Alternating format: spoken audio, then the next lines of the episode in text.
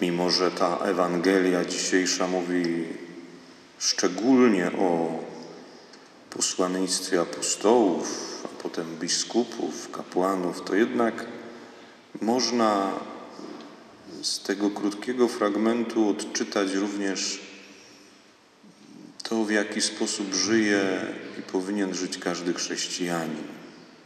To znaczy ten, który jest zjednoczony z żywym Chrystusem, tym, który żyje.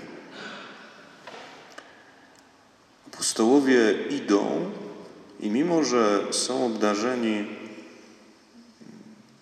jakimiś szczególnymi kompetencjami, można powiedzieć, władzą, uzdrawiania, wyrzucania złych duchów, to jednak z drugiej strony są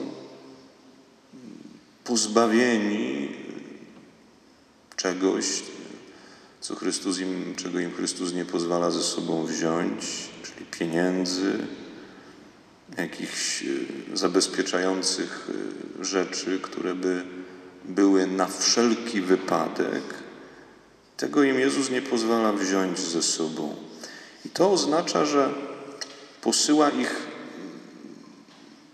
w świat, który jest niewiadomą, i oni są tutaj do nas podobni, bo my też jesteśmy posyłani, czy idziemy w świat, który dla nas jest jakąś niewiadomą. Człowiek od momentu, kiedy jest w jakimś sensie już jakoś niezależny, dorosły, idzie w świat i my nie wiemy, co będzie.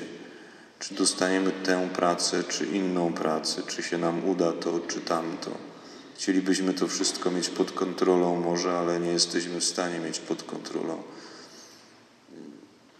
I Jezus nie chce, żeby apostołowie mieli to pod kontrolą, własną kontrolą. Mimo wszelkich zabiegów, które człowiek racjonalnie powinien mm, czynić, żeby pewne rzeczy przewidzieć, to jednak jest taka sfera, która nie może być pod kontrolą. Ostatecznie nie może być, choćby nie wiem nawet, co człowiek zrobił.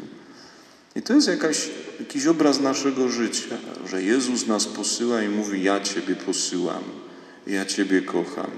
Ja Ci daję umiejętności, które Ci wystarczą i posyłam Cię w niewiadomą.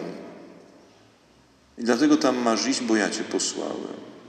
Życie chrześcijanina to jest życie nadzieją, wiarą i miłością, to znaczy takimi, y, można powiedzieć, siłami wewnętrznymi, które które nie pochodzą tylko od Niego, nie są tylko ludzkim jakimś oparciem, ale, ale są oparciem w Bogu.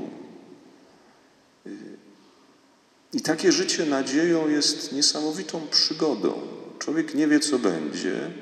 Wie, że może być gorzej albo lepiej, może trafić lepiej albo gorzej, może coś wyjść albo nie być, mogą go posłuchać albo nie posłuchać, tak jak im sam Chrystus to mówi, tylko że to nie o to chodzi. Chodzi o to, żeby być z Chrystusem i koniec końców to się liczy i owoc zawsze będzie najwspanialszy, najpiękniejszy jakiegoś osiągnięcia własnego e, rozwoju, ale też osiągnięcia tego, czego Bóg chce, jeśli tak właśnie będziemy postępować.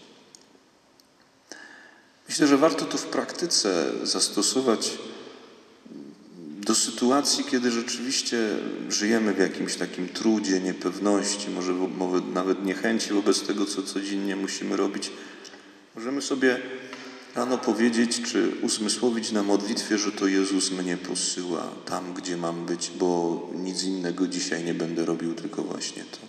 I On tam mnie posyła z tym, co mam. Człowiek wtedy podejmuje pewną odpowiedzialność, ale opierając się na Nim.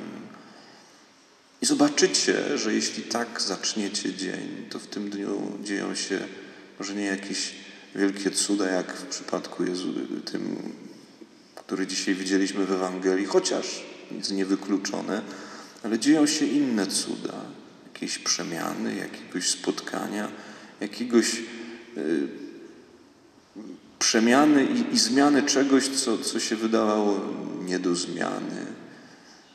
Ktoś coś y, zrobił inaczej, jest, był bardziej odpowiedzialny, podjął jakąś, jakieś działanie w sposób odważny, którego do tej pory nie podejmował.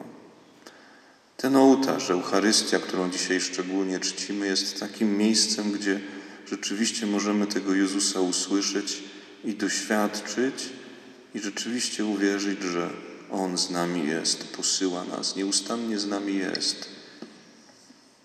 Nie tłumacząc nam, co będzie, ani nie pokazując planu i mówiąc, wszystko będzie tak, jak tutaj masz wyrysowane. Nie, tak nie będzie. Będzie wielka przygoda, w której ja będę z Tobą.